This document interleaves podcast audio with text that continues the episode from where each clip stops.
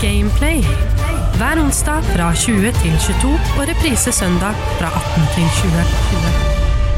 Hjertelig velkommen skal du være til en helt ny Gameplay-episode. Vi skal snakke om gaming som alltid, og i gamingsofaen i dag har jeg fått med meg en ny gjest. En, eh, en mann som jobber som eh, journalist for gamer.no. Skriver anmeldelser der, skriver gode, fine saker og er flink til å se på spill fra mer enn bare ett perspektiv. Han er også mannen bak YouTube-kanalen Andy's Take, der han anmelder uh, spill på YouTube på, til et engelsk publikum. som krever jo en, en god del oversetting sånn innvendig. Så jeg syns det her er en talentfull og kreativ og erfaringsrik gjest, og derfor vil jeg veldig gjerne ønske velkommen til Andreas Bjørnbekk. Mange takk, hyggelig å være her. Ja, så bra. Fortell meg, hva er, det, hva er ditt forhold til gaming? Vi starter der, sånn bare generelt i dag. Mitt forhold til gaming er vel at jeg eh, ser på gaming som et um, Kanskje det ultimate medium på mange måter. Eh, der har du fortellinger, der har du eh, musikk, der har du figurer. Du har på en måte eh, en opplevelse som er interaktiv, og som forandrer seg eh, hele tiden. Eh, eh, for meg personlig så er det jo både en, en kreativ og underholdningsaktivitet, kan man si, samtidig som jeg da har som jeg er veldig glad for, klart å gjøre det til en ikke bare en hobby, men også en jobb i hverdagen. Da. Mm. så det er kjempefint. Så det er vel det gaming er for meg personlig. Ja, og hva, og hva, er det du eh, sånn konkret jobber med? Vil du ta oss gjennom alle typer tingene du driver med når det kommer til gaming? Er det bare eh, gamer.no og YouTube, eller er det flere plattformer du driver med gaming på? Eh, som du nevnte, så er det jo gamer.no som, eh, som, på en måte Der jeg begynte i hovedsak min, eh, min eh, karriere som anmelder. Eh, mm. Jeg var anmelder i Game Reactor i ca. fem-seks måneder før gamer.no. Du var det, ja? ja. ja. Men det begynner å bli en god stund siden nå. um, og etter det så hadde jeg vel lyst til å måte gjøre litt mer, skape noe mer, og med, med YouTube og med videostoffet eh, så får du jo ut en, på en, måte, en helt annen visjon enn bare, eh, bare penn og papir, liksom. Mm. Eh, der har du der har du bakgrunnsmusikk du kan leke deg med. Du har klipp som, som gjør at du kan legge ut en, en slags visjon av det du lager, da. Som, som gir en ny dybde til, til anmeldelser, til til kommentarstoff til eh, hva enn det skulle være. Sånn at eh, det er jo på en måte der jeg er nå. Og så er nok gaming for utelukkende moro skyld blitt litt mindre av, fordi YouTube krever veldig mye arbeid. Ja. Jeg jobber mellom 8 og 15 timer hver dag, vil jeg si. Og det blir gjerne rundt 10-12 timer, sånn at det blir Det blir mye arbeid. Ja. Men det er en god gevinst for det, for da får du jo jobbe med en av de tingene som er kanskje din største lidenskap. da. Ikke sant. Ikke ja, sant. Og noe som alltid har vært en interesse, for jeg vet, jo, jeg vet jo hvor godt det å eh, game sitter inne hvis du er en gamer. Hvis du får lov til å liksom jobbe med det eller gjøre det hver dag, så blir også kanskje hverdagen litt lettere, selv om det er mye jobb, fordi at det er noe man brenner så hardt for. da. På litt lik måte som med idrett. da. Hvis du jobber med idrett, så elsker du jobben din, fordi at det er liksom, det er noe med den lidenskapen og sjela i det som, så, som står så sterk da, med oss gamere. Men hvis du tar meg litt inn til uh, YouTube-verdenen, hva er det det går går i der. Hva slags, hva slags innhold lager du, og hva, hva, slags spill er det da du eventuelt snakker om eller eh, lager innhold på? Eh, kanalen min fokuserer for det meste på strategispill, eh, og i hovedsak på Toll War-serien, ja. eh, som, som, handler om eh, Altså, eh, historisk sett så har det vært mest historiske spill, ja. som da kombinerer et kampanjekart med et slagmarkskart, da, ikke sant, som på en måte gir deg en slags et holistisk eh, syn på strategi og taktikk. Um, I det siste så har jo de gått litt mer til sånn fantasiverden også, med eh, Warhammer og slike ting. Mm. Uh, men sånn at det er på en måte det jeg fokuserer aller mest på. Uh, så har jeg også hatt lyst til å å skape en kanal som ikke bare holder på med én ting. Eh, så jeg har f.eks. laget videoer om, eh, om rollespill, eh, anmeldelser der. Ja. og min, altså min, aller lengste video for eksempel, er på fire og en halv time, og er en, en anmeldelse av Final Fantasy 10. Oh. som, som er mitt all time favorittspill, vil jeg si. da. Er det det? Ja. Du er glad i, i ti? Med Det er veldig bra. Ja, ja. Med Tidus og Juno. Tidus, ja, Ikke ja. Tidus Laugh. Det er bare den referansen jeg har. Men jeg, jeg er glad i Final Fantasy-universet selv. Eh, Jeg har ikke vært egentlig eh, noe fan av Final Fantasy gjennom oppveksten, fordi jeg aldri ble introdusert i det med riktig liksom, porsjon, da. Før i moderne tid, hvor jeg da plukket opp MMO-et Final Fantasy 14. Litt. Og det gjorde meg veldig veldig interessert i det universet. Ja. Men mer enn det har jeg dessverre ikke spilt av Final Fantasy, som er Jeg vet at det er litt trist, fordi Square Enix er jo De, altså de er japanske, de lager gudelig innhold, på en måte. Det er kjempebra, og det er et av tidenes beste serier. Men eh, hvor mange av Final Fantasy-spillene har du spilt?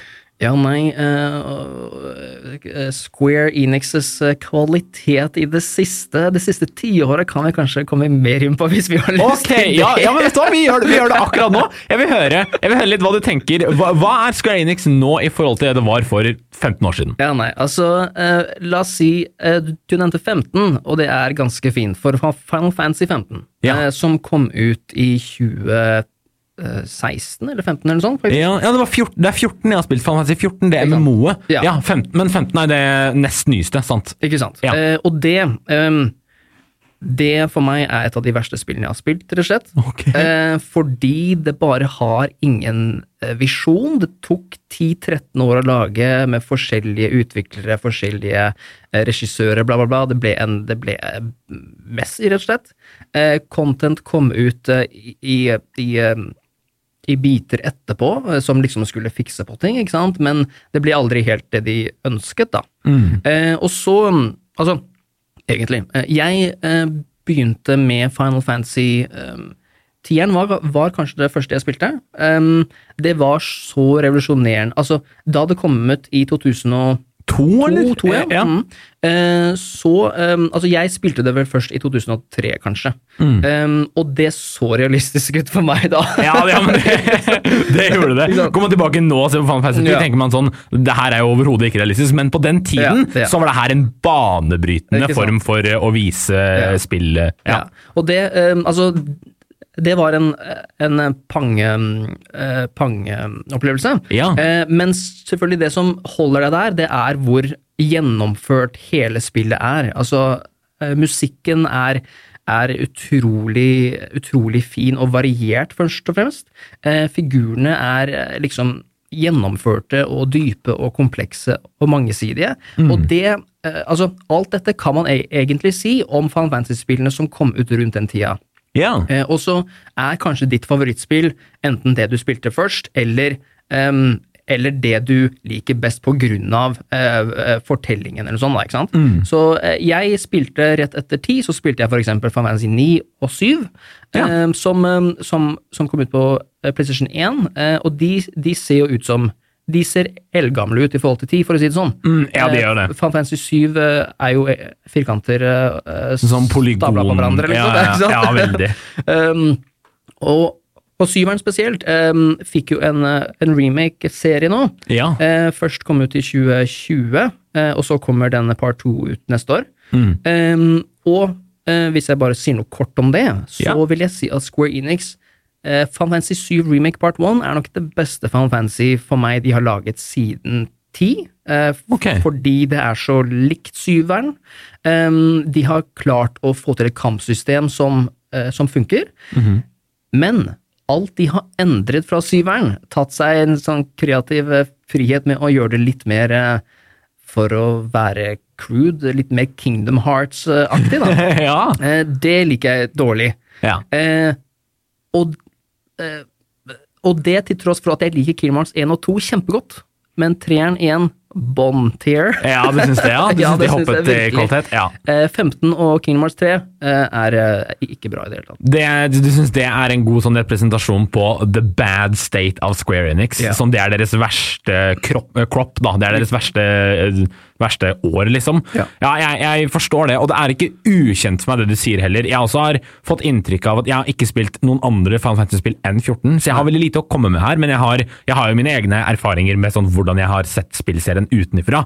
Og jeg har også forstått at Final Fantasy 15 spesielt gjør ingenting nytt, liksom. Og det er veldig Det er eh, ganske sånn panta eh, gammel vare som du egentlig har sett tidligere, med bare en litt ny sånn visual art style og en decent storyline.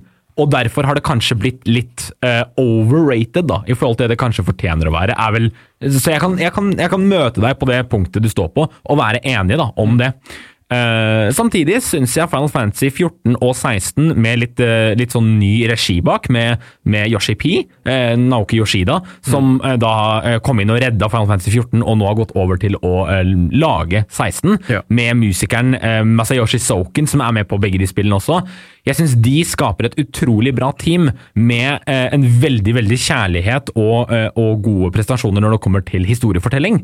Så jeg syns moderne Final Fantasy med litt det der nye tilskuddet i teamet, der syns jeg de har gjort en god jobb. Men jeg kan kanskje være enig med at sånn litt de gamle Final Fantasy-folka er kanskje ikke like på ballen nå lenger som de var med Final Fantasy 7, 8, 9 og 10. Mm. Ja, nei, eh, altså de har vel fått inn eh, eh, altså, sant, masse nye eh, folk, og så tror jeg eh, altså det, Dette er ikke noe jeg eh, vet personlig, men av, av, det jeg har lest og, og hørt, så, så er um, så er disse japanske uh, store, gamle spillselskapene litt sånn um, De har det vanskelig med å innovere, da. Uh, etter ja. noen tiår og sånn. Repetitive? Ja, ja. Og, og, er, og liksom eh, går litt i gamle baner og er De klarer ikke helt å fornye seg, da, vil jeg tro. Ta, ta, ta, inn nye ideer.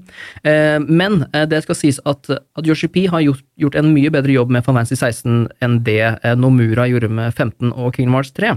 Ja.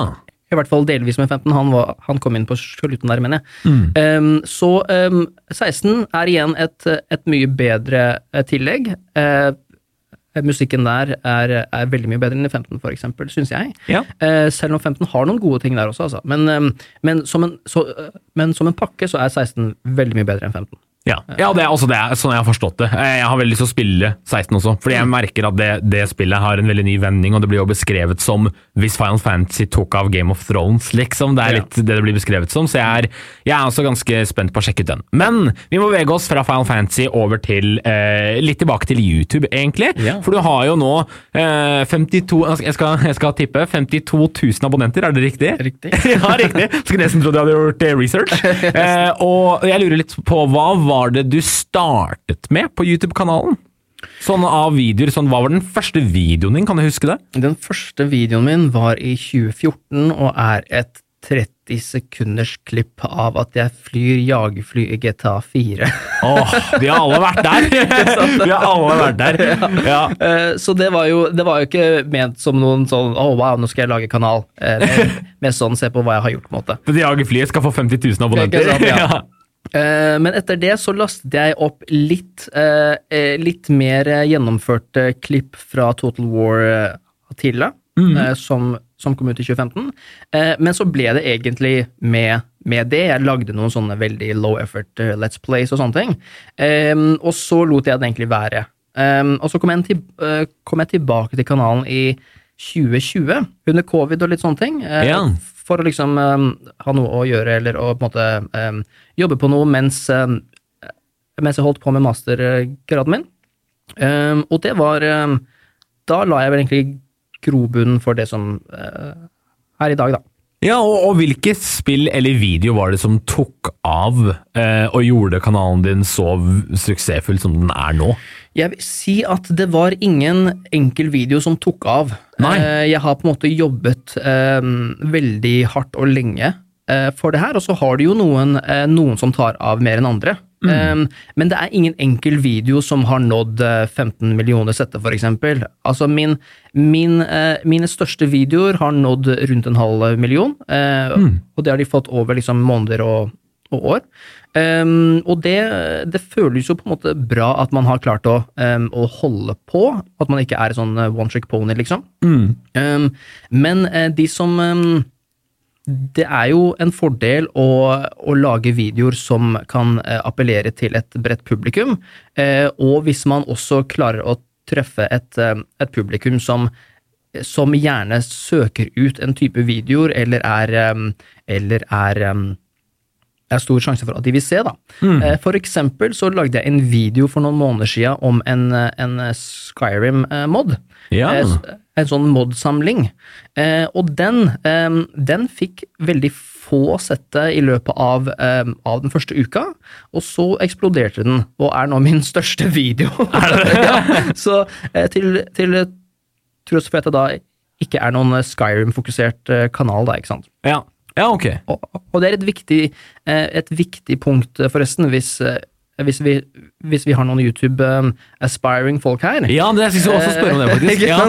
Det er at algoritmen kan være vanskelig å skjønne seg på. Mm. Um, men det som hjelper, er hvis man foku fokuserer på egentlig ganske mye av det samme. Mm. Um, det, det betyr at man enten burde like det man holder på ganske godt, eller kanskje ha til og med flere kanaler som holder på med forskjellige ting. Mm. for det er vanskelig å bryte gjennom og å finne publikummet ditt hvis du holder på med eh, forskjellige ting. Ja. Eh, igjen eh, så eh, så kan jeg gjøre det ganske bra med Eller ja, eh, bra med eh, samme type videoer, eh, eller eh, videoer av samme type spill. Mm. ofte. Eh, men for, for eksempel med den Final Fantasy 10-videoen, eh, som er kjempelang, som jeg brukte en, eh, en tre uker eh, på å lage, kanskje. Oh, Eh, den tok fire måneder før den nådde eh, 3000 settet. ja. Eh, og plutselig så tok den av, da, eh, og har nå 340 000 aktiv. Ja, riktig. Så, så det, er, man, det er nesten aldri noen måte å fortelle deg selv på hvordan det kommer til å gå med en video. Du må nesten bare gjøre det du liker, og så etter hvert kommer den til å finne sitt publikum. Det er ikke sånn at publikummet kommer til deg med en gang. Det er på en måte håpet, Ja. eh, og spesielt så gjelder det igjen hvis du lager noe som er utenfor din eh, et nisje, da. Ikke Ja. Fordi, eh, fordi hvis du allerede har et publikum som f.eks. ser på Total War, Mm. så er det sannsynlig at de vil få den eh, recommenda, og at de vil da eh, komme til den. Ja. Men lager du en video om x annet, så, eh, så viser YouTube gjerne den videoen til de som gjerne ser på deg først. Ja. Og hvis ikke de ser på den, så eh, slutter den å sende den ut ganske kjapt. Mm -hmm. Var du heldig, plukkes den opp av et annet publikum, da. Eh, Mm. Men det er veldig sånn, ok, når vil, når vil det skje? Kommer det til å skje? Og da er det litt sånn, å, søren. Ja, altså det er, det er, en litt, det er litt tilfeldigheter det Ja. kommer til YouTube-gryta, hva som er suksessen, liksom. Ja. Eh, men du har fortsatt klart det bra. Du har truffet en, en, en god rytme i det du gjør, og et godt publikum, og det skal du ha all eh, honnør og gratulasjoner for. Vi skal eh, se hva som var årsaken, eh, Andreas, til din spillinteresse. Eh, og da skal vi tilbake til noe som starter på B og slutter på Arndommen. Kan du rette hva det er? Gjette hva det er? Er det barndommen? Det er barndommen! Vi skal tilbake til barndommen! Vi skal tilbake til de første spillene vi eh, noen gang har spilt i eh, den første spalten på dagens program, Playback. Ukas playback. Da er vi på en barndomsreise til nostalgiens verden her på Gameplay. Vi er i den aller første spalten Playback. Dagens gjest er Andreas Bjørnbekk. Du er eh, YouTuber, du er spillanmelder for gamer.no. Eh, Du har en finger med i mange forskjellige spillplattformer, og da er det jo selvfølgelig interessant for meg og eh, deg, gameren der hjemme, å vite hva var ditt aller første spill? Mitt aller første spill, det må ha vært eh, Tarzan på PlayStation 1. Oi, oi, oi! For en god en! Den der er eh, Det er ikke bare du som har hatt det som første spill. Nei, nei. Det var et av barndomsspillene til meg og bryteren også, til PlayStation 1. Heftig. FD, Ja, ja, ja. Nei, jeg, vet ikke, om- jeg vet ikke om det er så kjent, så det er egentlig litt nisje, er det Ja, ikke det, det? er- det, er, vel det. Ja, ah, så kult! Ja, gøy! Brorsan. Ja, brorsan, ja. Jeg visste vi kom til å ha noen fellesting med strategispill, men jeg visste ikke at vi begge kom til å ha opplevd Tarzan til PlayStation 1. Så jeg, eh, jeg satt jo der på SFO og bare tenkte på å hoppe over de apene og kaste, ikke sant? Sånn, det var stas. Så kult! Hvordan eh, var inngangen din til eh, Tarzan? Uh, inngangen min var vel at jeg fikk uh, PS1 og Tarzan til en annen jul. Ja. Uh, og så satt jeg med det, da, og var dritredd for de apene en liten periode. Men så, så vokste jeg ut av det, og, og likte å samle på de bokstavene og liksom ja. fullføre alle de banene og sånn. Eh, Det var jo Jeg likte musikken kjempegodt. Eh, Det var rett og slett et eh, gjennomført spill. Skli, Så det ja, skli på de lianene, det var så gøy. Det kilte i magen. Ja. Og så ble man jo voksen etter å ha vært barn og sånn, så det var kule, ja, var det det òg, ja? kule ting. Ja, for jeg spilte, jeg spilte særs lite av det egentlig, men jeg, men jeg så mye på at broren min spilte det. Jeg husker Ja. at det, Vi snakker om det i familien den dag i dag òg, at Tarzan og PlayStation 1 var et av de her formende spillene. Samtidig Ja. med Toy Story-spillet til PlayStation 1 også var en ting vi, vi dyppet innom. Ja. Eh, så kult! Og derifra, hva, hvordan gikk det videre? Var du Så, eh, ja, så gikk det vel til, eh, til Pokémon Rød. Pokémon Rød, ja? Ikke sant? Ah, der Eh, har mang en gamer startet. ja. Eh, Jeg var alltid litt sjalu på Pokémon Gul, eh, fordi de hadde Pikachu som liksom gikk etter deg og sånne ja, ja! Men, eh, men jeg spilte jo aldri det. Eh, Så liksom jeg er Team Red, og, og blå så bare rart ut på Gameboyen. Liksom, Ja, så er det og sånn. Squirt, liksom. Squirt, ja. Du hadde Charizard, du hadde ingenting å klage på! ja. Hadde Charizard kort også, ikke sant, så det var bare veldig bra. Hadde du det? Ja, ja, mange. Det derre glitrende, eller? Riktig, riktig, riktig. Jeg har det fortsatt. eh, Er ikke det verdt kjempemye en dag i dag? Hvis det er godt eh, bevart i sånn plastikkting og sånn, ikke sant. Ja. Eh, Jeg har det inne i permen min, Ok. eh, men, men den har ligget på loftet og liksom sånne ting, da. Det er så gøy at du har hatt Pokémon-kortperm. Jeg elsker det. Det er en så juvel fra tidlig 2000. Ja, det er det, altså. det er classic, altså. Ja. Take me back. Um, men jo, det var vel de to for, på en måte store førstespillene. Eh, og så gikk det vel um, Det gikk vel fort over til sånn eh, Gran Turismo 3 eh, Ja. på PlayStation 2 da, da det kom. Eh, og så eh, og så kom en viktig en, og det var Jack and Daxter. Jack and Dexter! Yes. Oi, oi, oi! Ja, den også har jeg vært bortpå, skjønner du. Yep. Ja, ja. Eh, Det, det originale, da. Første spillet. Yes. Ja. Eh, fantastisk eh, serie. Eh, det tok meg vel noen liksom, dusinvis timer å runde det, eh, over liksom, måneder og sånn. Eh, men i dag så kan det spillet faktisk rundes på seks og en halv time, så det er Kan litt det det? morsomt. Ja. Liksom, helt fullføre det på seks og en halv time. Jeg husker det tok meg sånn, det tok meg flere, flere lørdager før Ja, jeg var ja, ferdig med det spillet som liten. Ja, etter, etter hva ja, det var vel SFO, da? Eller etter Ja, barneskolen? sant, ja.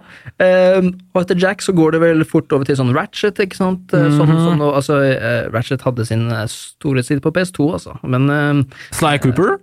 Uh, det også, ja. Ja, Mm, nydelig. Eh, begynte med Sly 2. Eh, Ja, og det begynte med meg òg! Among Thieves. Ja. Og så etter det så har du gjenoppdaget eneren, da. Det, vet du hva, jeg gikk faktisk tilbake til eneren for noen år siden, Ja. og jeg må si at det er ganske mye mindre morsomt å spille. Det er veldig bra sagt! Sly 1 er helt, det er helt forferdelig å spille! Det er dritvanskelig! Eh, men jo, så um, Det er vel de banene der, på en måte. Ja. Eh, og så kom jo da Final Fantasy 10 som et ganske annerledes og eh, mye mer voksenspill eh, enn en de andre her. Mm. Um, og så går det jo litt sånn tilbake til til, til Digimon World på PS1, som jeg fikk, og var liksom, eh, skjønte ikke bæret av det, men det var dritgøy. um, uh, og så ble jeg 13 år, og Nei, vent, da. Jeg ble 11-12, Ja. uh, og så kommer det litt sånn inn i, i PC-verden eh, med Star Wars Empire at War, eh, eh, Ringenes herre-kampen om Midgard. Battle of Middle-earth. Ikke sant? Ja, det hadde jeg også. Riktig. Det er et av de beste strategispillene Ja, gjennom tidene. Kjempebra spill. Ja. Ehm, og så etter det så kommer vi til Rome Total War. Ja. Eh, som på en måte, Jeg skjønte ikke hvordan det var mulig med å liksom ha tusenvis av soldater på, liksom, eh, på liksom kartet med, e- altså på samme tid. ikke sant? Disse Nei. svære byene. bare sånn, Er dette mulig? liksom? Altså, fordi i Battle for Middle-earth så, så spiller du jo med sånn eh, ti personer i, liksom, eh, i eh, enhetene, ikke sant? Og du har liksom, ok, Kanskje du har 100 enheter på kartet når du er så stor som du kan. da. ja. Men i Total War er det plutselig sånn wow, eh, 5000 mann mot 5000 mann, og det er liksom, ikke sant? Du Sånn. kan faktisk ha et brett med over 10 000 soldater, og det, og Ja. det, ja, det er ganske banebrytende, egentlig. Jeg har ikke tenkt helt over hvor, hvor ganske sånn mekanisk pushende det er Ja. i forhold til spill. Spesielt i 2004, da det kom, eh, som var det første 3D-spillet deres også, som, som den dag i dag altså Nå har jo eh, Rome Remastered kommet, da, eh, men som den dag i dag fortsatt ser eh, ganske bra ut. Ja. Animasjonene er litt sånn gammeldagse, men, eh, men, men det er fortsatt imponerende hva de fikk til. Eh, og egentlig så har ikke serien endret seg så mye siden Rome. Jo eldre jeg blir, jo mer tenker jeg at Rome egentlig var det beste. Ja. På grunn av hvor enkelt, men, men dypt det fortsatt var. Eh, og liksom den musikken og alt sammen bare er Eh, Kjempebra spill. Mm. Så liksom, etter det så har, så måte smaken ikke endret seg så mye, eh, selv om nye, eh, nye eh, mesterverk har kommet. Ja. Eh, Så har det på en måte Det er vel på en måte reisen min, da. Så det var vel total Hvis vi skal koke det ned, så var det på en måte Total War Rome som dro deg inn, spesielt i strategiuniverset, eh, kan man kanskje si? Etter kampen om eh, Mid Midgard og Ja, etter kampen om Sånn, ja. Mm. Ja. Eh, så, så utrolig kult. Jeg syns det er en ganske god reise. Ja, du har en til? En siste ting Ja, som, som, som eh, liksom eh, solidifiserte alt sammen. Det var i 2013, da jeg, da jeg eh, tok eh, eh, spranget og, og kjøpte eh, Crusader Kings 2 eh, med Old Gods-utvidelsen. Som jeg brukte noen, en del timer og dager på å lære meg. Jeg så masse YouTube-videoer, men så bare, så ble jeg helt hekta. Akkurat samme her òg. Det var andre videregående året mitt. Noen husker det kanskje som da jeg var 17. Jeg husker det som året jeg spilte Crusader Kings 2 hver dag. Jeg har til den dags dato 1000, lurer på 700 timer på det spillet. Eller 1400 timer. Ja. Eh, og når Crusader Kings 3 kom ut, så fikk jeg jo 500 nye timer på det òg. Og jeg bare elsker Crusader Kings Ja. så hardt og mye. Eh, og jeg, jeg er tydeligvis ikke en som det første jeg sier er hvor mye timer jeg har på noe, men jeg gjør det med de spillene her bare for å, bare for å forklare at de spillene ser tilsynelatende veldig enkle ut, Ja. men så er det så mange forskjellige kombinasjoner av playstyles du kan gjøre som bare gjør din campaign helt din, da. Mm. for deg som ikke vet hva Crusader Kings er, så har jeg snakket om det litt tidligere, da jeg hadde Emsia her på Gameplay som gjest. Men det er et spill hvor du tar Du spiller som en konge, hertug eller en, eh, en greve da, av et område i verden, i, eh, i middelalderen. Og så er spillet å rett og slett holde kongefamilien din ved like. Eh, expande, få nye land, løse politiske konflikter, ha et råd som ikke for, eh, forræder deg, prøve så godt du kan å liksom ha et godt forhold til dine vasaller og dine nye etterkommere i familien. Du skal rett og slett være en middelaldersk eh, kongefamiliesimulator, og det håndteres så utrolig bra av Paradox Studios. Ja. Noe som har gjort så jeg er veldig veldig eh, forventningsfull til deres samarbeid med den gamle Sims-sjefen, når de skal lage et nytt Life Sims-spill som heter Life by You, som kommer til å komme i eh, tidlig 2024, tror jeg. Så det er jeg veldig veldig hype på, og jeg er veldig støttende til alt Paradox gjør. da. Riktig. Eh, Jeg Ja, Paradox er ganske fantastisk. De holder til i Sverige, det er hovedkontoret Ja. Sant det? Um, jeg eh, begynte som sagt med Crusader Kings 2. Jeg tror min hovedkjærlighet har utviklet seg til å bli uh, Europa Universalis 4. Ja, ok. Det er, det er noen som går den retningen. Det er litt sånn ja, er, som, eh, som jeg da, hvis vi prater om timespilt, har eh, over 2000 timer i. Eh, som bare er eh, over ti år. Det er nå ti år gammelt. ja, ok. Er det det? Eh, som, eh, som eh, det, er bare, det, det, det er et spill som du bare kan spille og, opp- og oppleve forskjellige eh, liksom, utfall av hver eneste gang, selv om du spiller eh, som samme nasjon, ikke sant? Ja. Eh, det er jo akkurat det samme i Crusader Kings. Eh, tingen, tingen med EU4 er vel heller at det er litt mer makro, eh, litt, eh, eller en del mindre eh, figurfokusert, og mer sånn nasjons- og, eh, og eh, ja, eh, imperiebygging fokusert, da, ikke sant? Um, så det er vel på en måte det jeg liker litt bedre. Eh, tragedien med Paradox var at de, var at de eh, sluttet å utvikle eh, på Imperator Rome. Ja. Eh, for det, ehm, det hadde en ganske dårlig launch. Eh, og så holdt de faktisk på med det i et år eller to. Ja. De kom ut med versjon to, liksom, eh, i 2021, mener jeg, og fiksa ganske bra på det. Ja, okay. Så nå er det et bra spill. De skal ha kudos for å ha fiksa på det, eh, til tross for at eh, de sikkert tapte en del penger på, eh, på det. Jeg Mm. tror ikke det solgte så veldig bra. Men det er et bra spill nå. Eh, Et slags miks mellom Crusader Kings og EU4 eh, i romertiden. da. Ja, ja, jeg husker jeg var veldig på kanten om å kjøpe det eller ikke. Jeg synes det så ganske kult ut, og så var det noe med, noe med hvor utrolig in depth du går i, i eh, kongefamilien i Crusader Kings, er på en måte noe av det som selger meg veldig inn i den serien. da.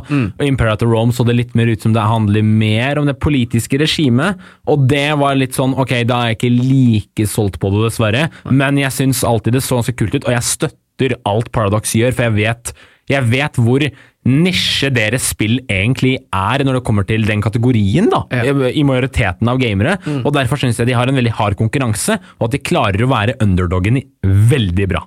Det ganske syke er jo at um, eh, jeg vet ikke hvor, hvor bra spillene selger. Eh, Jeg tror de selger ganske bra. Paradox har nok vokst en god del de siste tiårene. Jeg også tror det. Uh, men hvis du ser på uh, Steam Charts, eh, så ser du at eksempel eh, Europa, Univer- Universalis 4, Crusader 3, Hearts of Iron 4, som, som, som foregår under andre verdenskrig, Ja. eh, alle disse har eh, jeg vil tippe over 1000, noen ganger over, unnskyld, over 10 000, eh, noen ganger over 20 000 eh, spillere hver eneste dag på, på eh, alle tidspunkt. Oi, oi. Og det er jo imponerende.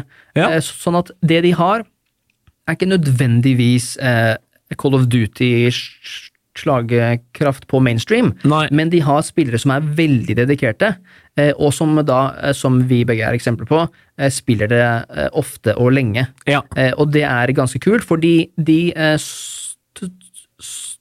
støtter jo disse spillene også i, i årevis. mm. både med gratis eh, gratise, eh, gratis og, eh, og betalte utvidelser. Ja, det er sant. Og, eh, og det, er, ja, det har noe med akkurat det du sier der, at det er en slags lojalitet som danner seg fra eh, oss da, som spilleren Ja. til eh, Paradox, men det skjer også med andre Det skjer med alle spill, men med strategispill mer enn noe annet, fordi at du kan investere så mye tid i det, og da er det veldig lett å bli veldig lojal til spillet, bli veldig eh, sammenslått med det, og bruke mye tid på det, og, og gjøre det til en del av nesten din daglige rutine, og slik som det, så er du en Paradox-tilhenger. Og når de har fått mange nok av de, så håper jeg at deres konkurranse kommer til å bli lettere, og de kommer til å markere seg litt mer på kartet, da.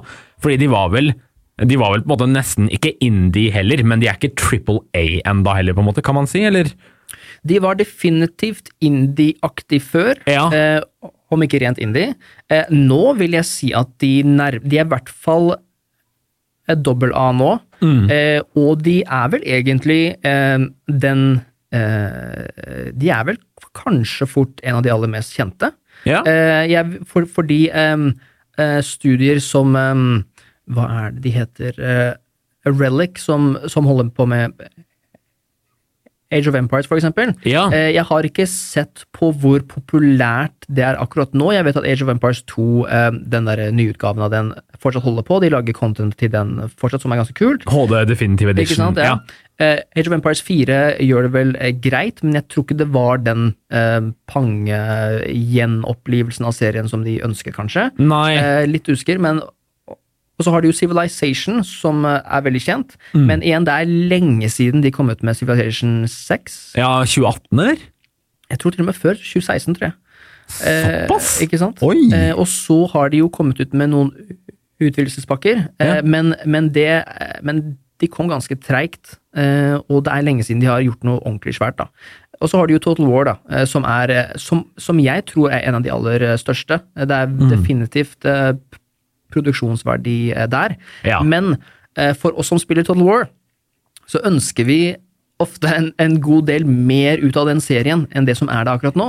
Og da refererer vi veldig ofte til Paradox, eh, som er så gode på å lage disse dype eh, kampanjeopplevelsene. Ja. Eh, som, som jeg føler ofte mangler i andre ting.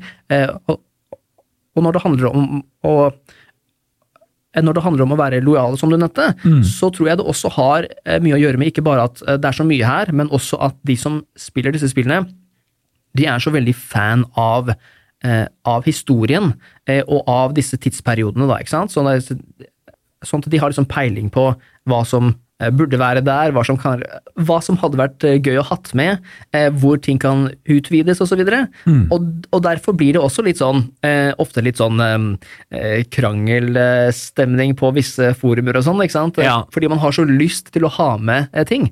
Eh, men når det kommer til, eh, til alt, så, så er jo Paradox ganske frempå og egentlig, vil jeg si, det beste strategistudioet eh, akkurat nå. Ja, ja så, så hvis ikke nødvendigvis Paradox uh, selger like mye som Total War, for Total War har holdt på litt lenger, så er i hvert fall Crusader Kings kanskje den som alle strekker seg til, og den som er ambisjonsmålet til mange av studioene.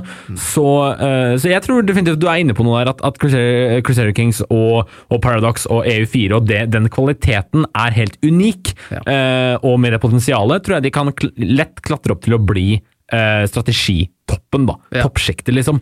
Eh, veldig, veldig fint. Jeg har en liten historie forresten å fortelle, i og med at du nevnte Jack and Dexter, Ja. som var Det var som at du tok en nøkkel og låste opp et minne i hodet mitt, for jeg hadde gravd ned den serien litt, og nå kom den tilbake. Jack and Dexter husker jeg at jeg eh, jeg plukket opp etter Sly og Ratchet Clank. Jeg var veldig på de, fordi vi har jo begge to hatt en PlayStation 2-barndom, hører jeg nå. da. Eh, og, og eh, da husker jeg at jeg plukka opp Jack and Dexter litt sent, og det var uten hjelp av da å spille det med broren min også, for det var ofte sånn jeg ble introdusert til ting. Den her tenkte jeg, vet du hva, Jack and Dexter skal være min egen lille IP. Den skal være min som jeg plukker opp, og så, får bare, sånn, så kan jeg fortelle om den til Ja. Håkon, liksom, broren min. da. Eh, og da husker jeg jeg spilte det første. Var veldig kult, jeg likte det. Det var en litt sånn annen stil enn Ratchet Clank og Sly på, på visse måter. Det er en litt sånn unik preg på det. Og da husker jeg ok, jeg prøver videre. Jeg kjøper Jack eh, 2, som det heter. Ja. Eh, ikke like fengende. Litt gøy at jeg kunne kjøre biler og sånn, men det var fortsatt ikke like mye å hente der. Og så husker jeg at jeg kjøpte Jack 3, eh, og da husker jeg at den jeg vet, ikke, jeg vet ikke om Jack 3 funka Jeg tror Jack 3 funka, men så var det også et racingspill. Jack Jack, X. X. Yes. Ja. Jeg husker jeg kjøpte det, og det funka ikke, husker jeg. Jeg, jeg kjøpte det på GameStop og tok det hjem, og så funket det ikke. Wow. Og det, det fikk meg litt sånn tilbake til de dagene hvor du måtte kjøpe spill, og det var til og med ikke en garanti om det funka fordi det var brukt. Okay. Så du måtte sånn ta de opp, og så måtte du sånn puste på CD-en for å sånn vaske de, eller det var sånn til og med sånn CD-spray. Du kunne spraye på CD-ene for å se om de funka igjen, da. Mm. Uh, så det husker jeg at Jack hadde jeg mye, mye gøy med, men også mye frustrasjon med, for jeg følte bare serien ble verre og verre og verre etter hvert spill. Ok. Og da, mot det siste sånn racing-spillet, så funket det ikke lenger. Nei. Så jeg bare Jeg husker at det gikk litt sånn uh, dukken for, uh, for meg etter hvert, men en veldig, veldig kul del av spillhistorien til PS2, da, vil jeg si. Eh, her må jeg ta deg. Må du arrestere meg! Ok, ok, arrester meg! Arrester meg, Hva har jeg gjort galt, konstabel? Altså, jeg er, eh, jeg er enig i at Jack and Dexter er kjempebra. Eh, Som, yeah. som sagt, eller som ikke sagt kanskje, så er det et av mine tre sånn all time favorittspill, vil jeg tro. Yeah. Um, Jack 2 er veldig forskjellig. Um, veldig eh, GTA-inspirert, uh, til og med inspirert av um, litt sånn populærspill eh, på den tiden, som eh, Tony Hawk og sånn. Eh, Ja, for- Pro Skater. Eh, For man fikk jo både eh, fly der, man fikk eh, våpen der, og man, fikk, eh, man fikk sånn hoverboard. Mm. Eh, og det er eh, eh, For meg så, så funker alt. Eh, jeg var kanskje litt mer eh, Jeg var kanskje flink til å være litt sånn eh, fleksibel eh, gamer på den tida, sånn at, eh, Ja. sånn at eh, Jack 2 eh, em, eh, Altså, jeg var jo så dypt inn i Jack and Daxter, eh, og det som jeg likte veldig godt, var at eh, de på en måte reiste jo Altså, dette er kanskje spoiler for, eh, for Jack 2, så ikke hør de neste ti sekundene. om du ikke vil ha spoiler for Jack 2, men de reiser jo ikke bare i tid, men også i Nei, ikke bare i rom, men også i tid. Ja. Um, og liksom eh, det at denne verden faktisk er sammenkoblet med den første, eh, det gjorde meg veldig sånn wow, holy fuck. Men, ikke sant? Eh, Det var kjempegøy. Eh, Og liksom, dette er jo Naughty Dog. Du har jo forfatterne som gjør en kjempebra jobb. Dialogen er veldig tight og morsom, og Jack, Jackster og Daxter er jo morsommere enn en, enn noen gang. Ja. Og nå kan jo Jack faktisk prate. Eh, Ja. I eneren så gjorde de et sånn Half-Life-valg eh, ved å gjøre Jack eh, eh, eh, stum. Eh, som, var, eh, gans, som var interessant, som jeg aldri helt eh, skjønte hvorfor. Jeg hadde ikke noe erfaring med Half-Life eller med den teorien om at hovedfiguren burde være stum, eh, som noen sånne førstepersonsspill og sånn hadde. Mm. Eh, men eh, Eh, Nå er han ikke det lenger, og det er en ganske morsom måte de, eh, de får han til å prate på. Eh, Han blir jo torturert av sånn dark eco og sånn, ikke sant, og når Ja. han da endelig eh, våkner, så er han dritsur og skal da sant, ta, ta hevn på disse folka. Ja. sånn at eh, det er definitivt et mørkere spill, eh, men det er mye større, det er mye mer her.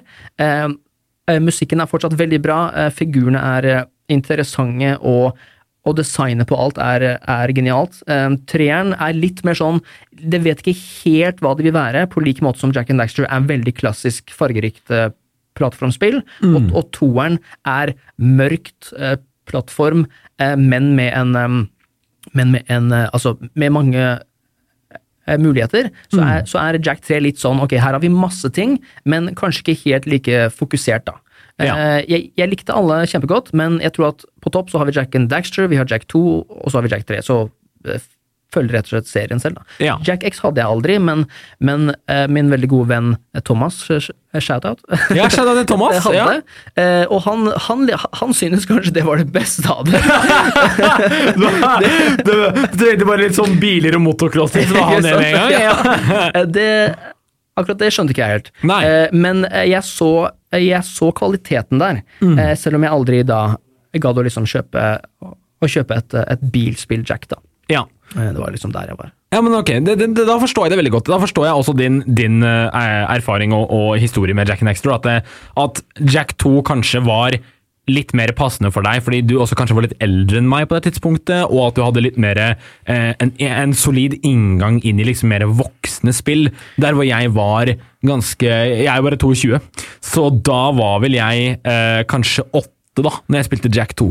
Og da ble det plutselig ganske eh, voldsomt, kanskje, for meg, og at jeg, ble, at jeg fikk litt avsmak for det, og heller bare så på det som dette spillet her er ikke sånn som det første, og da liker jeg det ikke. Nei, ikke sant. Nei. Jeg var, eh, da jeg spilte Jack 1, så var jeg vel eh, ti.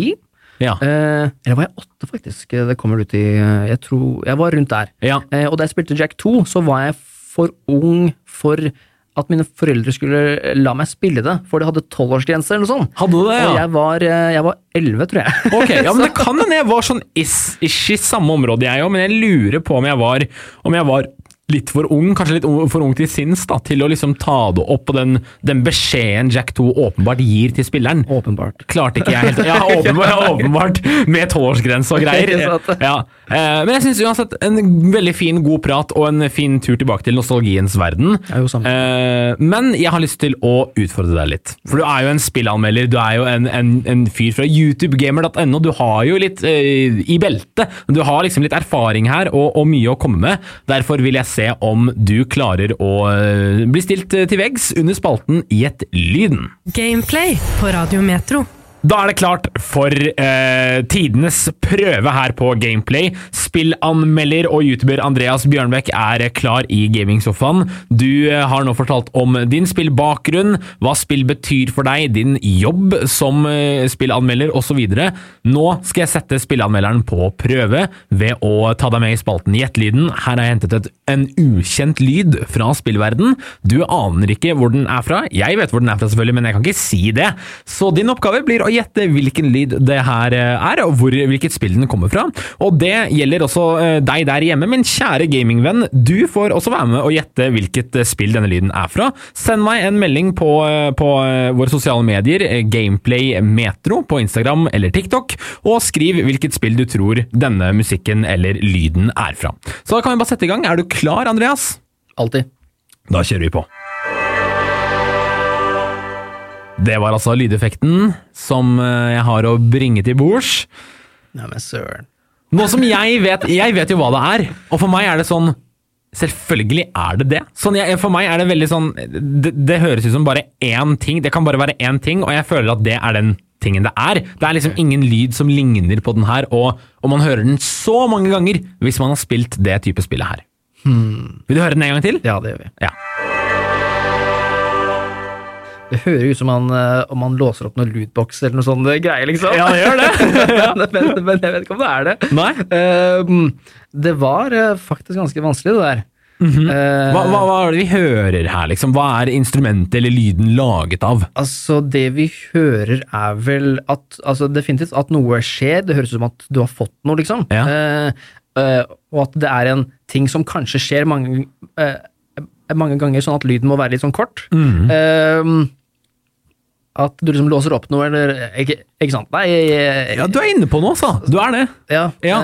eh, sorry, ass. Skal vi si liksom League of Legends eller noe sånt, eller? Det er, eh, det er gøy at du hiver ut et gjett. Jeg setter pris på motet, men jeg skal hjelpe deg litt på vei, fordi vi har en lyd til fra samme spill. Vi har en musikk til og med, så den her tror jeg kan hjelpe deg litt. Men eh, da får vi, da får vi bare spille av musikken og se om det kan, eh, det kan ringe noen flere bjeller. Herlig.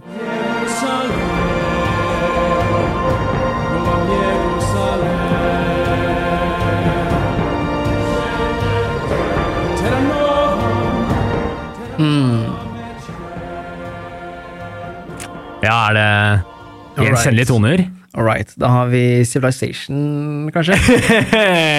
ja, får deg til å tro det! Nei, jeg husker den. Jeg, jeg husker det, Altså, Terranova, ny, nytt land. Mm. Eh, det, det høres ut som en strategi. Eh, jeg ville sagt Civilization eh, 5, kanskje, eller eh, noe sånt. Ja, Civilization 5, skal vi si det da? ja da si Det det. er helt riktig, det. ja, det er helt riktig! Veldig bra. Lyden er når du har unlocket et, et, et, et, av verdens wonders. Nå, når du har fått riktig. et wonder, eller eh, funnet det, da, sånn som for eksempel eh, ja, Hva er disse wonderne? Det er uh, Eh, er vel pyramidene pyramidene. Når du har laget de, så kommer det en sånn derre lydeffekt, og så ser du liksom, og så kommer det en eller annen quote som noen leser opp. Ja. Så det var lyden. Jeg tenkte den passet litt, i og med at du er en strategifan. Definitivt. Ja, eh, og den er glad musikken tok deg litt på vei, og du klarte den med eh, bra brag. Gratulerer. Ja, takk for den eh, sangen her, det hjalp. Ja, jo, selvfølgelig. Jeg, ikke- jeg vil jo ikke bare hive deg på pinebenken og så ikke gi deg noe mer. Eh, du, har, du har vel et forhold til Civilization, regner jeg med? Det har jeg, eh, men det er ikke min eh, favorittserie. Nei. Eh, Jeg synes den er litt for enkel, rett og slett. Litt for sånn tegneserieaktig. Det er helt fair, det er jeg litt enig i òg, egentlig. Ja. Jeg liker konseptet om at du starter fra steinalderen og utvikler deg til uh, atomæraen, på en måte, og at du følger hele veien gjennom. For det er det ikke alle spill som klarer å, å, å eh, mestre. Det at du skal starte fra eh, faktisk år 4000 før Kristus til 2000 etter Kristus, og at Ja. du skal i alle de 6000 årene holde kongedømmet ditt ved, ved like og, og utvikle verdenen. Men igjen så blir det så veldig sånn karikaturete med at du spiller som kjente verdensledere, og det blir liksom disse Uh, veldig randomized eventene med at sånn du er liksom Kina, men du starter i Norge, på en måte, fordi du bare ble random plassert der. Yeah. Og det blir liksom litt for kreativt, da. For et strategihistoriehode som deg og meg, kanskje, da, hvor vi blir litt mer sånn Nei, jeg vil heller at det skal være litt mer sånn som EU4, da, eller CK3, og så kan jeg heller utvikle meg helt fram til dagens samfunn, på en måte. Ja. Det er jo det ultimate strategispillet. Ja. Civilization sin uh, tematikk og, og, og melodi, liksom, i uh, CK eller EU sin struktur. Ja. Hvis, uh, hvis du har Civilizations tidsalderlengde, Mm. og så har du eh, Paradoxes eh, eh, eh, kampanjedybde, Ja. og så har du Total Wars eh, kamper. Åh! Der har du det. Der har du det. De, de tre må bare komme seg sammen. De er så utrolig glad i å gjøre hver sin greie. Ja, ja, det og, og det er jo åpenbart at det alltid er noe som mangler. Men jeg er helt enig, det er perfekt. Total Wars sin combat, eh, kampanjene til Paradox Mhm. og 2K sin, eh, sin eh, timeline. Da. Har du det, så har du det perfekte strategi-historiespillet. Ja. Men kjenner jeg verden riktig, så kommer det aldri til å komme ut, fordi at de taper så mye penger på å gjøre det sammen. Ja. Eh, men uansett, Civilization det er en god spillserie for deg som er glad i historie, i hvert fall. Eh, kanskje ikke en av de beste når det kommer til strategispill, men de finnes det jo så mange av allerede, så det er vanskelig å velge ut én favoritt. Men velge ut favoritter, det skal vi faktisk nå. Vi skal inn i den siste spalten på dagens program, hvor du og jeg, Andreas, skal anmelde eller anbefale spill til en sulten eh, gamer der hjemme. Og det begynner å bli høst, det begynner å bli mørkt, det begynner å bli regn, det begynner å bli gamingstemning, eh, og nærmere bestemt, det er oktober, så det begynner å bli eh, skrekkstemning. Det skal jeg bare legge som en liten teaser til min anbefaling. Vil du starte med din, eller skal jeg ta min først? Eh, La oss høre din først. Min eh, først? Jeg er interessert i denne skrekk... eh, Ok, vi skal til Vi skal til en mann med navn Miles. En frilans investigative journalist som får nyss om at det skjer forferdelige eksperimenter på Mount Massive Asylum. Dette er et spill fra 2013. Et av de spillene som har gjort real life first person horrorsekvenser så bra som det går an å få det til. Outlast. Det er spillet mitt. Jeg syns Outlast er et uh, ganske bra stykke med horror, uh, hvor du da spiller som Miles i first person og går gjennom disse trange gang gangene i dette asylumet for å finne ut av hva som har skjedd her. Og da tar dette, det, hele den reisen jeg starter da veldig enkelt med at du er denne investigator-journalisten som drar til slottet og skal finne ut hva som skjer, og så blir du dratt med på en full reise fullt av masse skumle greier, og du må gjennom hele slottet og prøve å etter hvert rømme derifra fordi det blir så farlig, og det er zombiefolk, og er alt mulig, da. Jeg syns det er en veldig, veldig god, enkel, ikke for komplisert horroropplevelse. Samtidig så er slutten hinsides ræva, eh, fordi eh, Og det er en ting som alle skrekkspill nesten gjør, er at de ikke helt klarer å stå i Uh, stå uh, i liksom det prosjektet de allerede er i. Så mot slutten av spillet så må de bare gjøre en kjempeteit sekvens som skal funke som en plot-twist av noe slag. Resident Evil også fæle på å gjøre det der, med at siste levelet alltid er en lab. Og da finner de alltid en kur, og så er det alltid en eller annen sånn eh, En ekte villain bak det hele, liksom. Eller en eller annen sånn et, liksom, avsløring. Hvem var villainen? Hva er det som skjer? Eller sånne ting. Da. Eller du redder dagen, du reddet hele verdenen. Eh, et horrorspill trenger ikke det for å være skummelt. Et horrorspill trenger egentlig det motsatte. Jeg trenger aldri å få en forklaring på hva som skjedde her. Jeg trenger heller aldri egentlig å få en villain jeg skal ta i en bosskamp. Et horrorspill handler mer om det å være maktesløs og ikke vite hva som er rundt neste hjørne. Sånn som PT-demoen, da, hvis du husker den, eh, den klassikeren. Ja. Um, jeg er uh, veldig redd av meg. Ja, du er det, ja? I hvert fall. Uh, så er det sånn intuitivt, mm. og så klarer jeg av og til å kjempe meg gjennom ting. Ja. Jeg lastet ned PT, men pokker om jeg spilte det. Den, bare det spill, spill ikonet på, på, skjermen. Det, nei, jeg hadde ikke lyst til å åpne det. Nei, jeg skjønner det. PT var veldig skummel, og horrorspill er jo skumle fordi du, du, du interagerer med en, med en, skummel story. Mm. Og det gjør, det, er, det gjør, noe helt annet enn å se en horrorfilm. Ja. Eh, så jeg skjønner det veldig veldig godt. Men det er i hvert fall en, en gjengående sånn ting som har irritert meg med eh, horrorspill i moderne tid, er dette med, eh, med Det skjer også i Silent Hill-spillene, så er det også litt sånn det starter tilsynelatende med at du drar til en by for å finne datteren din, og det er en skummel by, og det er egentlig nok, mm. men så drar de det for langt med at Grunnen til at det er skummelt, der er fordi det er en kult, og den kulten tilber en eller annen ting, og så må du fjerne den, og så må du inn i en bossfight, og så må du skyte deg løs. liksom. Jeg vet ikke om du må skyte deg løs i Silent Hill, da. Ja. men det er liksom den, den der, der hvor de drar det for langt, og det skal alltid være liksom en en tydelig konklusjon i storyen. Mm. Det er nesten som at horrorspill kunne trengt litt mindre writing. fordi jo mer du legger mellom linjene, og jo mindre du avslører, mm. jo kulere blir det. Ja. Så Outlast, eh, et veldig bra horrorspill. Had, mm. ser du bort ifra slutten. Og så er det jo flere spill, og det er en del C. Whistleblower, som var ganske bra, og så Outlast 2, som var hakket dårligere, men også et bra horrorspill. Og Outlast Trials, da, som jeg har vel lyst til å spille, men det koster dessverre litt for mye for at jeg gidder å investere i det. Ja. Over til deg! ja, eh, jeg ville ikke eh, vært eh, fornøyd hvis jeg ikke hadde nevnt The Witcher 3. Ja. Det er jo ikke noe, noe nisjespill, akkurat, men det er et helt fantastisk spill som alle må spille. Det fikk en remaster nå, forrige november til, til, PS5, Xbox og PC, ja. eh, som, som, ser bare Altså, det oppdaterer et allerede kjempevakkert spill eh, til liksom noe helt eh, nytt. Så om du har spilt det før, så spill det igjen på denne nye utgaven. Eh, det anbefaler jeg sterkt. Det hadde vært å gi det en, en sjanse til, liksom? Ja. Eh, spesielt fordi The Witcher 3 Altså, jeg har runda det flere ganger. Jeg fikk eh, Platinum-trofé på PS5. Oi! Uh, eh, unnskyld, på PS4. Uh, ja. Og skal ha det igjen da snart. ja, det er verdig snikskryt, syns jeg. Ja. Det er et flott uh, eventyrspill, åpent verden, eh, mange forskjellige figurer, eh, flott stemmeskuespill, musikk, fortellinger, igjen hele pakka, da. Mm. og jeg føler at ikke noe annet spill er så gjennomført i moderne tid som dette. Nei. Og det, er, og det er, altså liksom en, en, like bra nesten bokserie som det er basert på, og det er to tidligere spill, og det er jo en serie, så det er, selv om det er jo kanskje diskuterbart om den serien er verdt å se, da, men, men det er mye, det er, det er, et ganske stort univers, og du kan dykke veldig ned i Geralt sin bakhistorie, hva som skjer kanskje senere, hvis bøkene tar opp det også, så Geralt sin historie i Witcher 3 er bare én av mange, og derfor kan Witcher 3 også være en fin inngang, da, tenker jeg, til, til det universet. Definitivt. Du trenger ikke spille eller å ha sett noe annet før The Witcher 3. Eh, Nei. Selv om det, det kan hjelpe, eh, men, men du trenger ikke. Um, og så for litt mer sånn høste, høstetips, Uh, selv om The Witcher er, har noen skumle sider, det også, eh, så vil jeg anbefale Dark Souls eh, 1. Ja! Åh, det er, det er jeg må bare skyte inn, det er favorittspillet mitt av all time.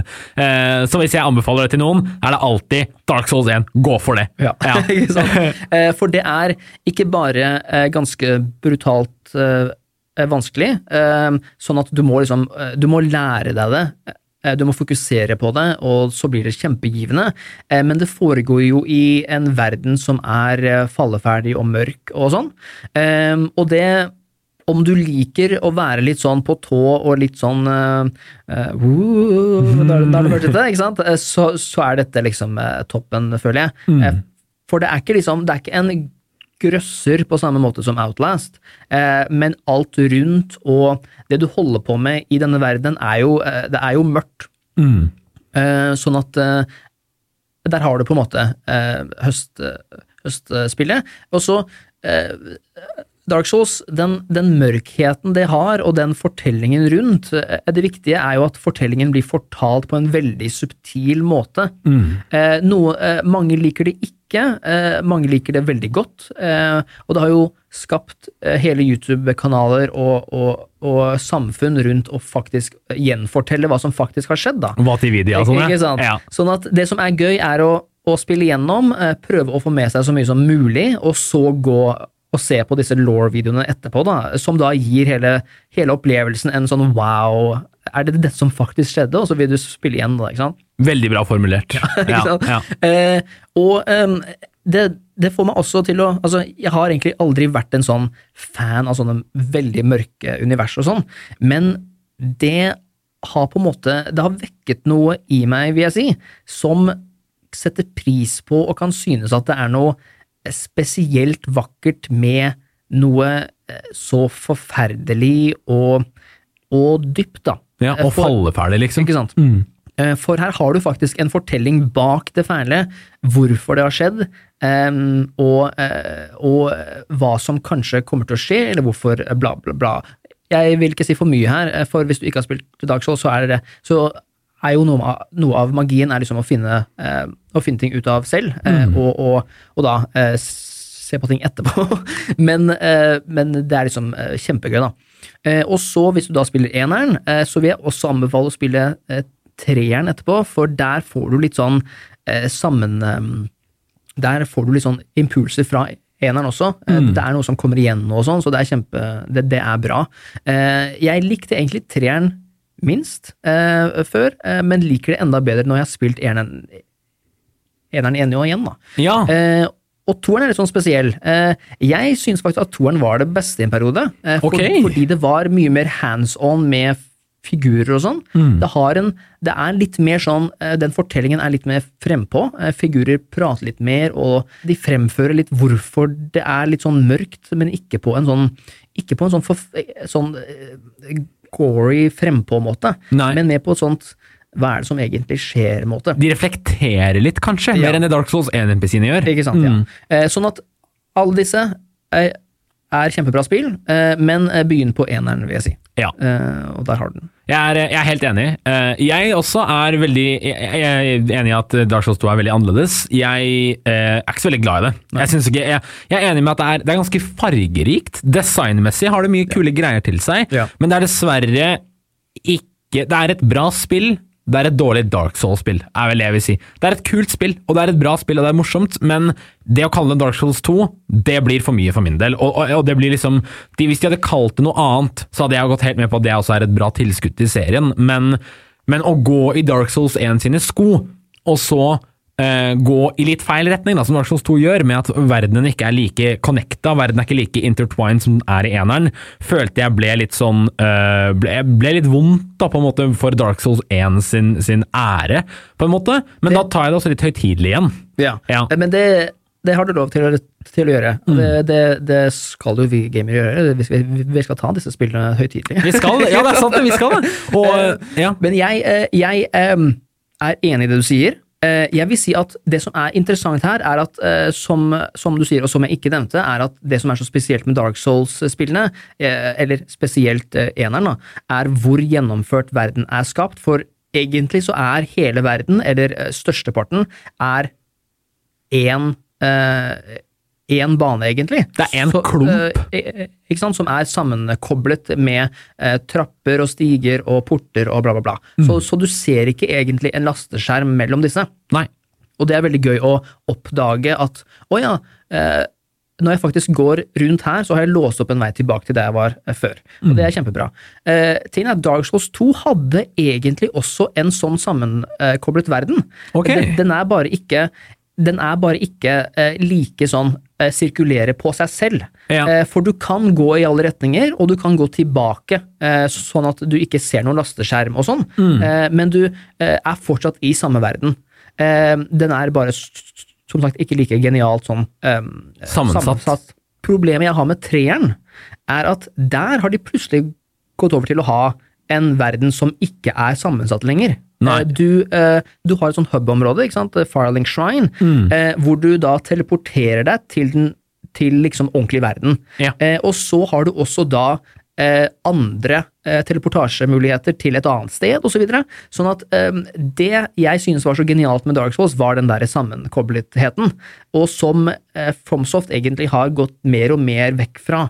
Elden Ring, som er det nyeste her, Mm. Det er jo et, altså et helt fantastisk spill eh, i seg selv, men det jeg synes er dårligst ved det, er at her kan du teleportere nesten hele tida. Ja. Eh, sånn at jeg hadde heller sett at utviklere, eh, deriblant eh, FromSoft, hadde prøvd å gjøre noe, altså prøvd å innovere med, med tanken på eh, fremkomst eh, fremfor teleportasje. Eh, og det er noe faktisk Zelda, det nyeste, gjør ganske bra, er jo at man kan lage litt sånne eh, litt sånne Fremkomstmidler. og sånn, ikke sant? Ja. Um, fremfor bare fast travel, da. Ja, det, Eh, Så det hadde vært kjempegøy i Elden Ring å faktisk kunne ha et eller annet sånn. Mm. Man har jo hest der, men den er ikke kjapt nok kanskje til å, til å faktisk kutte ut fast travelingen helt, da. Nei, jeg, jeg skjønner hva du mener der, og jeg er også, øh, jeg, jeg er også enig i mye av det du sier. Uh, Elden Ring også synes jeg Jeg vet at det er et mesterverk, jeg må bare si det hands down. Det er et kunststykke, det også, på lik linje med Dark Souls 1. Men det fenget kanskje ikke meg like mye som Dark Souls 1 gjorde, og derfor kommer alltid Dark Souls 1 til å være på topp, fordi Elden Ring er litt mer Det er litt mer adventurous, eh, åpen verden-vibe til det, som er helt velkommen. Ja. Eh, det er bare det at Dark Souls 1 sin eh, atmosfære slår meg mer, da. Og og helt enig i det du sier om eneren, at, at Dark Souls 1 sin story er helt unik. Du, du får storyen servert i propaganda utallige ganger, men den ekte storyen den må du selv finne ut ved å lese item descriptions, ved å følge med på hvordan folk sier ting, hvordan du kan lese mellom linjene best mulig. Eh, selv bak to skjulte vegger i et tre gjemmer det seg en hel law-heavy, Ja. sånn underlevel Ashen Lake, Ja. som bare er et helt eget sted fylt av law, som bare annullerer så mye av det du allerede vet om verdenen.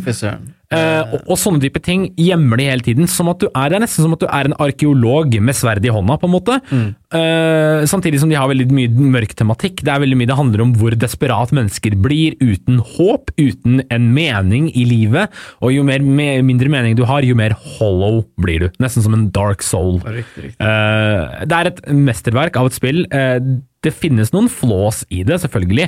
Det blir, ingen spill er flawless, men det er det nærmeste du kommer, i min mening, egentlig. Eh, og, og jeg er helt enig med det du sier. Men grunnen til Nå går jeg på en litt lang rant her. Grunnen til at jeg ikke liker Dark Souls 3, er ganske unik. Det er nemlig det at Dark Souls 3 eksisterer i seg selv. Det er det at det er laget et nytt spill i samme verdenen som eneren, lorderen, med de samme eh, referansene, med hint tilbake til eneren, og det syns jeg eh, nesten er enda litt mer provoserende for meg enn Dark Souls 2 sin veldig fjerne eh, etterligning av Dark Souls 1. Har du spilt eh, treeren? Ja, runda. Okay. For, for det, det, det, det finnes jo i verdenen eh, eh, Hva heter den? Er det Drang Lake? Eller er det toeren? Det er toeren. Ok.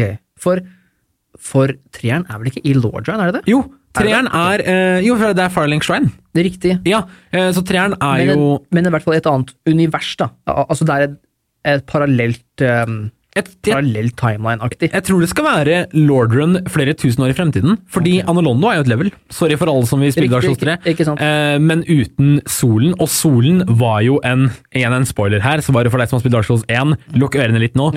Eh, Anolondo sin sol er jo også en illusjon. Mm. For hvis du slår Guinevere, Eh, så blir det natta, ikke Ja, sant? ikke sant? så Dark Souls- 3 er på en måte en Lordrun etter at eventyreren fra Dark Souls 1 har vært igjennom det. Mm. Uh, og med, med Jeg syns Dark Souls 3 har litt Det de, de dusjer spillet litt for mye i referanser fra Dark Souls 1 som jeg ikke liker. Sånn som uh, Husker du Anolondo? Ja, jeg husker Anolondo. Mm. Husker du Gwendolyn-bossen? For Gwendolyn-bossen er den samme bossen som eh, Aldrich ved Dark Souls 3, bare at han er spist av en sånn svær entity. Husker du det? Eh, den bossen, liksom? Ja, den inne i uh, Anolondo-bygget, ikke sant? Ja, den har samme krone og samme drakt som uh, Gwendolyn, som da Ja. tilsier at han liksom spiste Gwendolyn, som var Anolondos guardian. da. ja, ja, mm, Uh, en liten Seaf-referanse som ligger oppi det tårnet i sumpområdet. Disse Abyss-watcherne som liksom er en kult i form av Artorias sine etterkommere. Og jeg, jeg det, det gir meg en vond ettersmak. Det, det, det gjør noe veldig japansk ved det, ved at det alltid skal refereres til de gamle legendene. Og jeg det sitter ikke like bra hos meg. Det blir litt for mye referanser tilbake til den tiden, og det blir da litt som å, litt som å øh, gjenoppdage noe jeg allerede har funnet som er et mesterverk. Og for min del da, så trekker Dark Souls 3 veldig ned i kvalitet, selv om jeg vet at combaten og musikken til Dark Souls 3 er nesten upåklagelig. Den er veldig gjennomført. Riktig, riktig. Uh, ja. Ja, det er interessant, for jeg um, Det du prater om er eh, delvis uh, fanservice-aktig, da, kanskje. At man liksom uh, Ja. At man viser ting som, som, som fans generelt kommer til å kanskje like å se, fordi å, her, altså, dette har vi sett før, ikke sant? Det likte vi. Den derre 'husker du dette'-fenomenet. Ja. Uh, jeg er ikke kategorisk imot, imot fanservice, Nei. eller, eller imot eh, sånne tilbakeblikk. Eh, jeg jeg syns at det er veldig ehm, Det er eh, jeg, jeg dømmer det på altså per, per fanservice basis, for å si det sånn. Ja. Og altså, sånn tilbakeblikk synes jeg er noe av det noe av det mest morsomme, kanskje. Sånn, sånn, sånn, når, når, sånn når det kommer til tids, eh, tidsreiseaktige ting, da. Så det er en, en, det er en viktig grunn til at eh, jeg fikk en sånn wow-opplevelse i Jack 2, for eksempel. Ja. Eh, ikke sant? Eh, Vis-à-vis Jack and Daxter. Eh, og at jeg liker Jack Og at jeg liker Dark Souls 3 så godt. Mm. fordi jeg synes at det er faktisk veldig spennende å se dette stedet som jeg har vært på før, men nå i en annen setting. Mm. og at liksom jeg kan på en måte forestille meg sånn Hva har skjedd her i mellomtiden? Hvorfor er det her? Hvorfor, er, hvorfor ser det annerledes ut rundt omkring? Men her er denne, eh, dette, denne svære katedralen igjen. Da. Mm. jeg syns det er veldig spennende med disse eh, gudene, eh, som man liksom får et litt sånn gjensyn med. Mm. og det bare Det gjør noe Det gjør Dark Souls-universet litt eh, dypere for meg, og på en måte å faktisk kunne gjense litt, da. Mm. jeg skjønner godt at eh, ditt eh, eh, perspektiv også, at man vil ha noe nytt hele tida, kanskje, eh, og at det, det kan virke litt sånn eh, for beleilig å på en måte være på det samme stedet igjen. osv. og så videre. Eh, men for meg så var, så var det gjensynet godt, da. Eh, Godt på en litt sånn eksistensiell måte. Det skjønner jeg. Jeg skjønner det veldig godt, og jeg er til dels enig med at jeg er veldig glad i gjensyn, referanser. Jeg er glad i når spillet gjentar seg selv på en sjarmerende måte. Eh, men det var vel noe med Dark Souls 3 som, eh, på grunn av at jeg har så stor kjærlighet til Dark Souls 1, da, så var det alle disse småtingene som jeg nevnte i stad. Det her blir jo veldig nisje til deg som ikke er kjent med Dark Souls-universet. Men til deg som kjenner til det, så kan du på en måte delta i debatten og, og, og, og se perspektivene våre selv. Gjerne også send meg en melding på Gameplay Metro på Instagram om det her òg. Om du støtter eh, Dark Souls 1, 2 eller 3, hvem som er din favoritt, da. For det er jo en, en never-ending debatt. eh, og, og, og jeg tror mine siste ord på det blir vel at eh, Dark Souls 3 eh, gjør, gjøres det sjarmerende og subtilt, dette med tilbakeblikk, fanservice, referanser osv., så, videre, så går jeg med på det. Gjøres det litt usubtilt og litt for direkte og litt for manufactured, kall det eh, mekanisk, Ja. så eh, får jeg en automatisk litt sånn avsmak for det. Ja, Eh, og, så kall det somehow, Pal somehow Palpatine has uh, returned. ja, Eh. ja! Kall det, kall det Rise of the Skywalker. Eh, eh, ja, nei, jeg er ikke God referanse der, faktisk. Eh, jeg, eller sammenligning. Jeg, jeg liker ikke eh, så veldig godt det i Dark Souls 3, og, og det er en del andre ting også, sånn som eksempel at eh, Firelink Shrine da i Dark Souls 1 fungerer som en veldig rolig, cozy eh, tilstedeværelse som tar deg vekk fra alt det andre fæle, vanskelige. Det er en pause fra Dark Souls sin hverdag, da. Eh, og når du kommer dit første gang, og når du kommer tilbake dit, så er det alltid som at du kan puste ut, du tok den bossen, du har masse kjele på deg, du er, du er klar for neste område, men du bare må ta en pust ut, prate litt med NPC-ene, nyte tilværelsen mens du er her i momentet. Og den atmosfæren fikk jeg tvert imot av Dark Souls 3, når jeg kommer til Firelink og ser at å ja, det er det nye området, men det gamle, men det er liksom den samme blacksmithen fra eneren som står der og hamrer på en ting, og det er liksom en, en, eh, en tilstedeværelse av trygghet jeg ikke føler, fordi at det er ikke Dark Souls 1 jeg spiller. Eh, og, og, Sigwald of Carina eh, er jo, en, er jo et eksempel som er bare Sigmire fra eneren, i ny armor og sånne ting, men det skal liksom være en etterkommer av han, da. Som, ja, det var veldig bra! oh. I'm Sigmire of Catherine. ja, det er veldig, veldig god Sigmar-stemme. Eh, det også synes jeg ble litt sånn når Sigwart kom, var sånn Ok, jeg har allerede opplevd Sigmire sin figur. Det at han kommer igjen i form av en helt lik eh, kopi, ødelegger også litt imaget Sigmire gir deg i Dark Souls 1 ved at nei, don't worry, du trenger ikke å eh, verdsette det at han er her bare én gang. Du kan bare eh, du, du- kan liksom eh, La han være litt uviktig, fordi at han kommer tilbake i treeren. Liksom. Sånn det, det, det gjør noe med hvor precious Dark Souls 1 er, da. Ja. Er vel det jeg, det jeg kjenner på. Ja, jeg kan, jeg kan se den. Eh, så vil jeg si at det beste, eh, det beste hvilestedet må være Majula i Dark Souls 2. Ja, du syns det? Majula? ja. Det er vakkert, jeg er enig. Med Ja. sjølandskap og sånn, det er vakkert. Ikke sant? Men uh... Og den følelsen om at alle bare er fortapte og Altså, det er en, sol, det er en, det er en uendelig solnedgang med denne uh, eh, eh, havmarsjen som aldri stopper mot trendene, ikke sant? Ja. Um, og, og hun, hun Firelink, eh, hun Fire... eh, Emerald Herald. Emerald Herald, Mm. hun eh, er dritbra, bare. Ja. Uh, altså, kjempe, altså, hun som på en måte leder deg gjennom fortellingen på en helt annen måte enn de andre gjør, da, Mm. Uh, syns jeg. Og, og som har en veldig, veldig bra stemme og bare sånn um, Seek the king, lest, lest uh, Ja, ja, ja, ja. Veldig bra. veldig bra. Seek the king in his castle. Ja. Ja. Eh, Dark Souls 3 også har jo The Firekeeper. Ja. Eh, Dark Souls 1 har ingen. Igjen, Nei. derfor jeg elsker Dark Souls 1. Fordi Eller har, det- Dark Souls- eller har det en? Har det en? Under oh, ja! ja sånn, eller har det en! Det blir en liten sånn easter egg for deg der hjemme. Ja, Eh, men ja, nei, jeg syns det er Det er uansett en veldig god spillserie. Og så er det også verdt å nevne litt med, Dark Souls 3, jeg bare har ett siste poeng der, er at Bloodborne kom Ja. ut imellom Dark Souls 2 og Dark Souls 3. Ja. Som betyr at combaten er litt influenced av Bloodborne i Dark Souls 3. Ja. Uh, og det er en combat som ikke funker. Uh, Dark Souls 1-combaten med Bloodborne-fiender og mekanikk, hvor, hvor fiendene er raske, kanskje ikke er litt sånn uten et mønster og litt uforutsigbare, det funker ikke når playstylen er at du skal ha sverd og skjold, føler jeg, da. Okay. Eh, det funker når du ikke har skjold, og du har en gunner i hånda og, et, og en barberblad fra liksom Bloodborne, Ja. men sånn som Dark Souls er, så er pacingen på fiender mye mer tilrettelagt, tilrettelagt i Dark Souls 1, hvor de er rytmiske, kombo, kombinasjoner av angrep, og du kan lære deg. Men i Dark Souls 3 så må du nesten ha en klype løkk for å komme deg gjennom enkelte bosser. La oss nevne Midir som en av de. Eh, den eneste bossen i Dark Souls-universet tror jeg aldri tok. Fordi jeg så på den, tenkte dette her er ikke utfordrende, det er bare vanskelig, det her er ikke gøy. Ferdig. Sånn er jeg Vet du hva, jeg brukte lang tid på han. Eh, jeg klarte det da jeg gjorde det ultimate offeret, og jeg tok av meg all rustning, Oi. så helt eh, naken, utenom uh, lendeklede. Ja, selvfølgelig. Det er ikke, ja. Eh, ikke noe NSFV, Nei.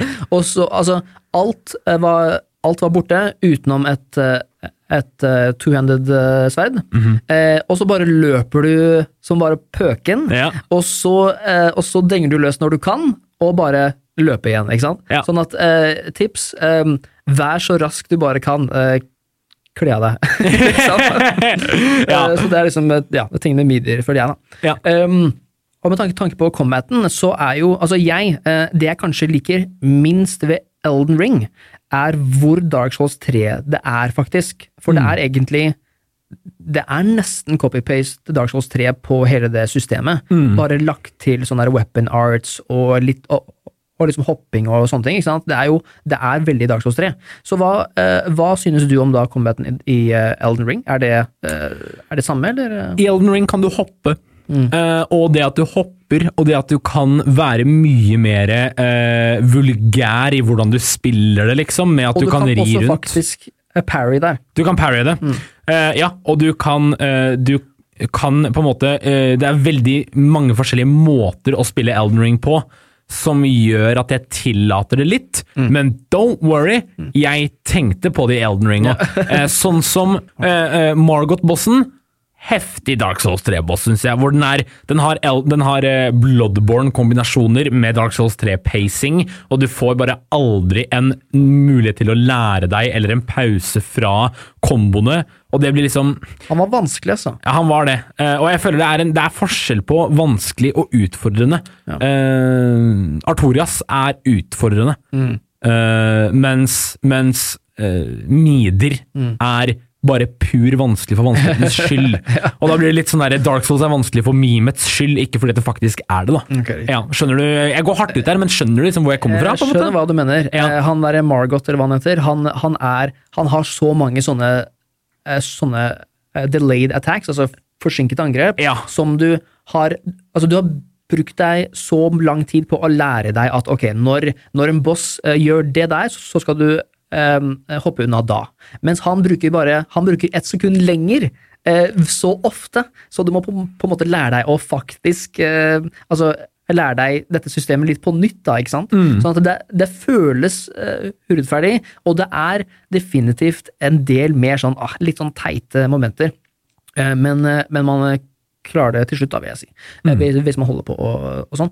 Men eh, jeg skulle bare rette på meg selv litt, eh, for jeg sa at Elden Ring hadde parry, og det har det, eh, men, men alle de andre har jo også det. Ja. Men, men det Elden Ring har at du kan, eh, du kan eh, blokkere, og så kan du ta et sånn derre eh, counterattack. Counterattack, sant det! Ja, hvis, du, hvis, du, eh, hvis jeg slår deg, og så får du en sånn pling Ja, på skjoldet. I det sekundet, hvis du angriper akkurat samtidig, så tar du et sånn der, du tar en repost. Sant, liksom. Og det er ganske kult, da. Ja, det er kult. Eh, Det Og- liksom føles eh, godt. Ikke sant? Og det igjen retter litt mer på det problemet jeg har med den der raske Bloodborne-ifiserte combaten. Fordi at det gjør sånn at du også kan bli litt Bloodborne-aktig. Med raske tilbakeangrep og med å være veldig agile. da. Mm. Mer i Dark Souls 3 hvor du er, har Dark Souls 1-rytmen på figuren din, men alle fiendene er designa som det skulle vært Bloodborne eller Sekiro. Så de er veldig sånn hoppe rundt gærne. Ja, Ja, enig. Eh, Det er litt for eh, Bloodborne-inspirert eh, i Dark Souls 3, synes jeg også. Ja, ok. Ja, men det, det er hyggelig at vi møttes på middle ground der, men samtidig så skjønner jeg også at det er manges cup of tea.